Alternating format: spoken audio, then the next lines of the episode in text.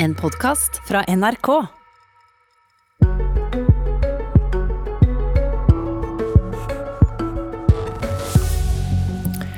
Høyere avgifter på luksusforbruket til rikingene skal være Rødts våpen i krigen mot klimaendringene. Men løser det noe at staten registrerer hvor mange flyturer du har tatt? Hva er rettferdige miljøavgifter, og hva monner mest? Det skal Rødt og Høyre diskutere i Politisk kvarter. Men først, et innlegg fra samferdselsminister Knut Arild Hareide i Aftenposten i slutten av forrige uke skapte merksemd. Mange vil bli skuffa, sa Hareide til avisa. Står prosjekt som er vedtekne i Nasjonal transportplan i fare? Knut Arild Hareide, handler dette om at det ble vedtatt en for ambisiøs plan i 2017, eller at prosjekt har blitt for dyre i ettertid? Ja, Den omlegginga vi kommer med knytta til Nasjonal transportplan, den handler om at eh, vi har jo nå hatt en gigantisk satsing. Men vi ser at vi kan få enda mer igjen for de fellesskapets midler vi bruker på dette. En god del prosjekt er blitt veldig mye dyrere enn det vi trodde da vi tok den reelle beslutningen for å gå for dette prosjektet. Så det handler mest om hva som skjer etter vedtak? Ja. Det som skjer på denne sektoren er at politikerne får gode forslag på satsinger både på vei og bane, sier ja til den type prosjekt. Og så ser vi at etter at det er sagt ja, så går de i gang med det store faglige arbeidet. Og da skjer det veldig ofte innenfor den sektoren jeg leder nå, veldig store kostnadsøkninger. Du kan ikke forholde deg til planen, sier du. Da må prosjekt ut, da. Hva slags politisk prosess skal bestemme hvem som skal ut? Ja, Det er jo den neste nasjonale transportplanen som nå sier hva vi skal prioritere. Og det Jeg har sagt, jeg har en forventning om at den planen den kommer til å være ambisiøs, men det er òg viktig at vi kan ha en plan som vi fullt og helt kan tro på, og som er realistisk. og Det er målet mitt eh, framover. Vi har jo hatt en gigantisk satsing nå på både vei og jernbane de siste ti årene. Men likevel så ser vi jo at eh, det er store behov framover, og da er det viktig at det er de beste prosjektene der vi får eh, stor nytte, og at naturlig nok vi ser hele landet i den planen. Men, men vil du som statsråd eh, sjøl peke på enkeltprosjekt som skal ut? Du, du dro f.eks. i Aftenposten fram jernbanen mellom Moss og Sarpsborg, som er blitt firedobla i pris. Mener du da den skal bli skrota eller endra? Ja, det, det, er et godt eksempel. Jernbanestrekningen da mellom Fredrikstad og Sarpsborg, som som vi i Nasjonal transportplan har kostnadsberegna til 12 milliarder. Og nå ser vi at pga. grunnforhold, altså gode forklaringer, så vil det koste da over 40 milliarder for den strekningen. Skal man droppe det, spør jeg? Eh, da må vi nok tenke hva konsept er det vi går for på den strekningen der. Har vi råd til å velge det? Og Det er litt av det vi opplever. Jeg har brukt et eksempel. Det er at Hvis du blir enige om at nå skal vi bygge nytt kjøkken, og det skal koste 100 000, og så går du i gang med å planlegge det kjøkkenet. Og når du skal begynne å bygge det, så koster det nye kjøkkenet deg ikke 100 000, men 270 000. Og da er spørsmålet, ville du brukt 270 000 på nytt kjøkken, eller ville du brukt 200 000 på å gjøre noe med stova di istedenfor? Ja, da har du jo et argument om at du velger noe annet i stedet for det som egentlig var bestemt, da.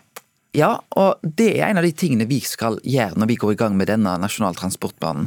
Da skal vi ha konkrete prosjekt, sånn som vi har hatt i tidligere nasjonal transportbane. Så, så, så jernbanen mellom Fredrikstad og Sarpsborg kan dermed leve farlig? Det er en av de strekningene som det er naturlig nok for oss å vurdere hva konsept skal vi gå for. Eh, når kostnadsøkningene blir så store, så er det naturlig at vi må gjøre en reell ny vurdering av den type prosjekt. Okay. Men det er klart Vi ønsker jo å ha forutsigbarhet.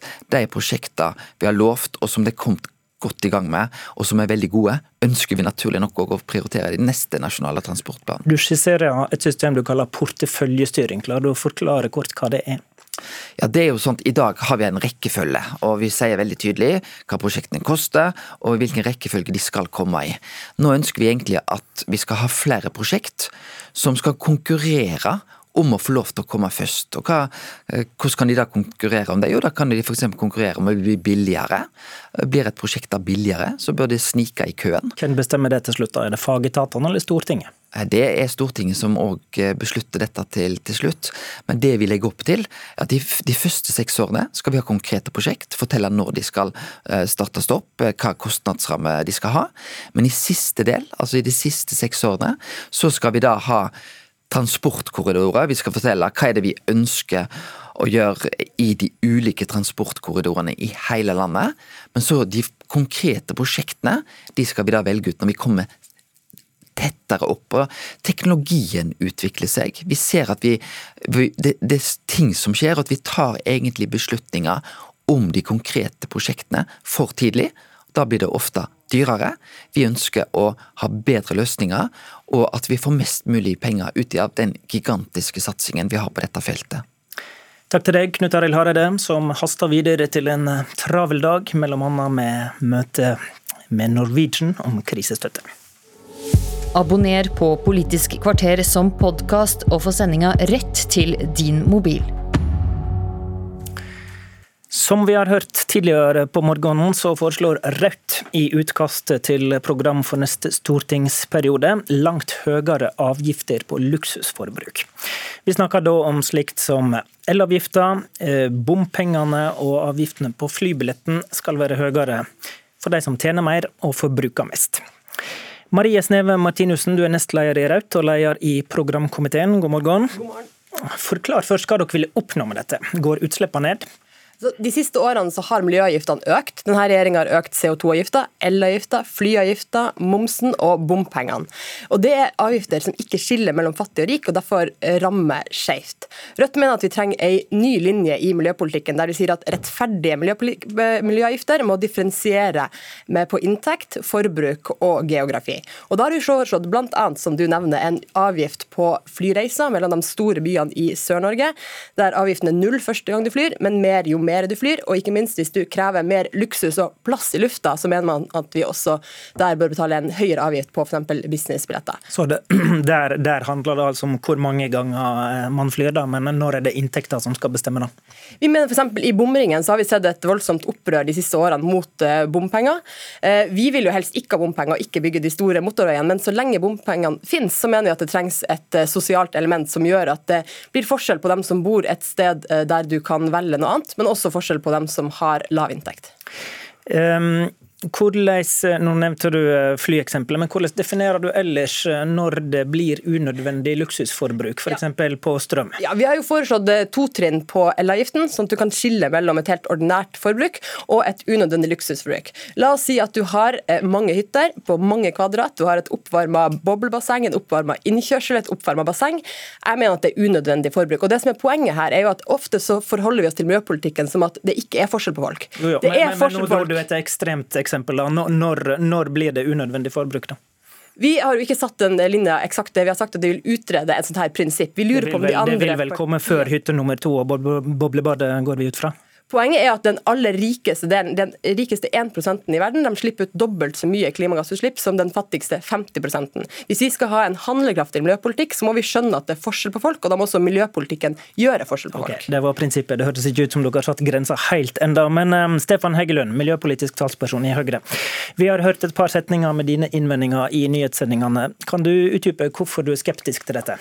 Jeg kan bare begynne med å si at jeg trodde aldri jeg skulle si det her, men jeg forstår faktisk hvor Rødt kommer fra. Du verden. Ja, fordi, jo, men grunn, jo, men grunnen til det er fordi at i klimapolitikken så er det slik at uh, du vil kunne få noen uheldige fordelingsmekanismer, absolutt, som det er viktig å motvirke. Mm. Men det understreker jo også hvor viktig det er at den klimapolitikken som føres, bidrar til økonomisk vekst, innovasjon, verdiskaping, nye arbeidsplasser.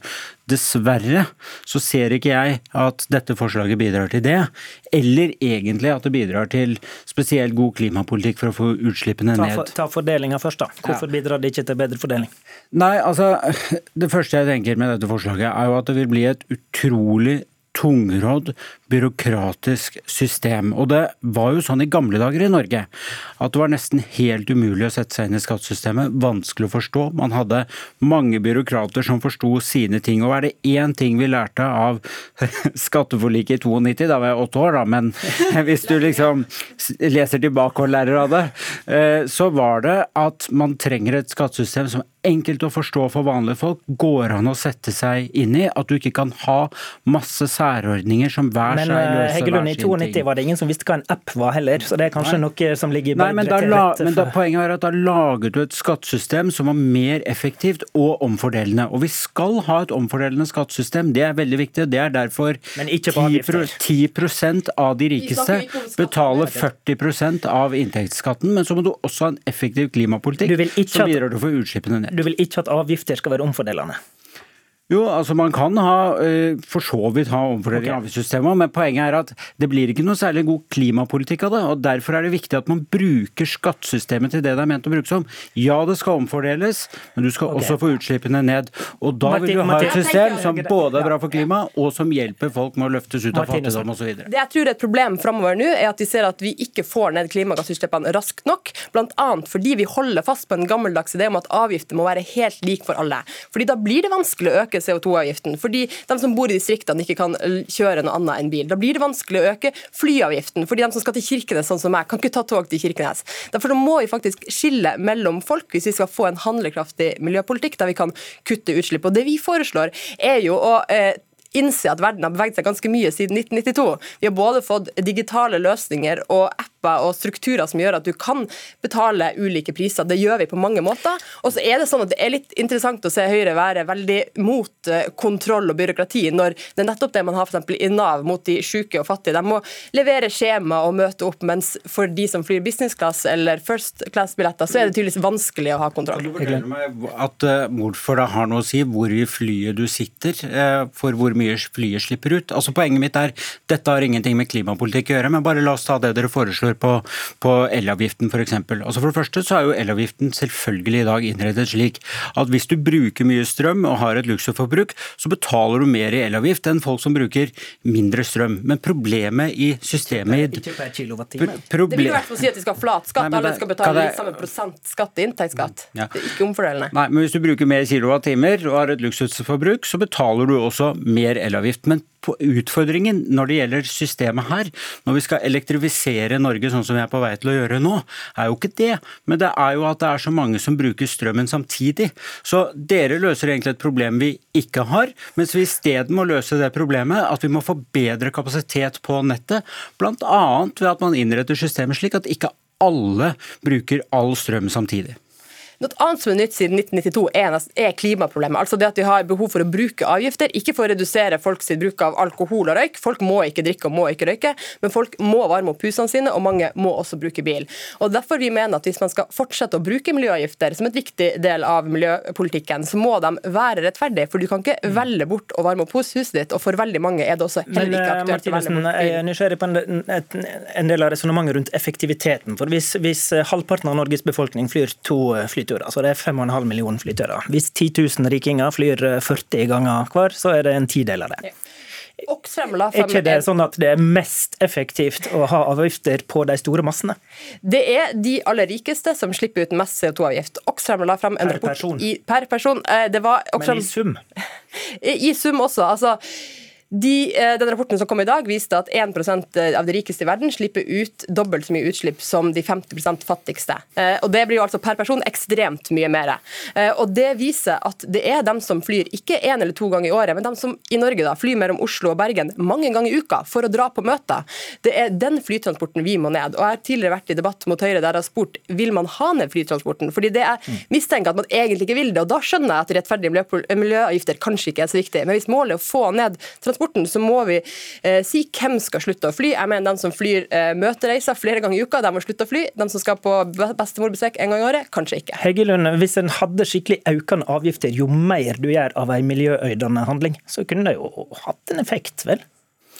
Ja, du ville jo gjort sånn at det var bare de rikeste som kunne fly, og nå er det slik at vi har Nei, et det sa sier hun ikke. Hun sier jo at det er for reise. Ja, på første reise, men det ville jo fortsatt vært en forskjell på fattig og rik hvor mye du kunne fly. For eksempel, hvis du, hadde et, hvis du var i et langdistanse kjæresteforhold, for eksempel, så hadde det vært mye enklere for en rik å besøke kjæresten sin ofte enn en fattig å besøke kjæresten sin ofte. Det blir ikke rettferdighet av det. Og så er det en annen ting. Det er at hvis du innretter avgiftssystemet på denne måten, istedenfor å gjøre det slik vi gjør i dag, så klarer du heller ikke bruke avgiftssystemet for for å bidra til teknologi og innovasjon. F.eks. gjennom den elbilpolitikken som vi har ført i Norge. Som vi har fordi at fra og med 2025 så skal alle nybiler som selges være nullutslippsbiler.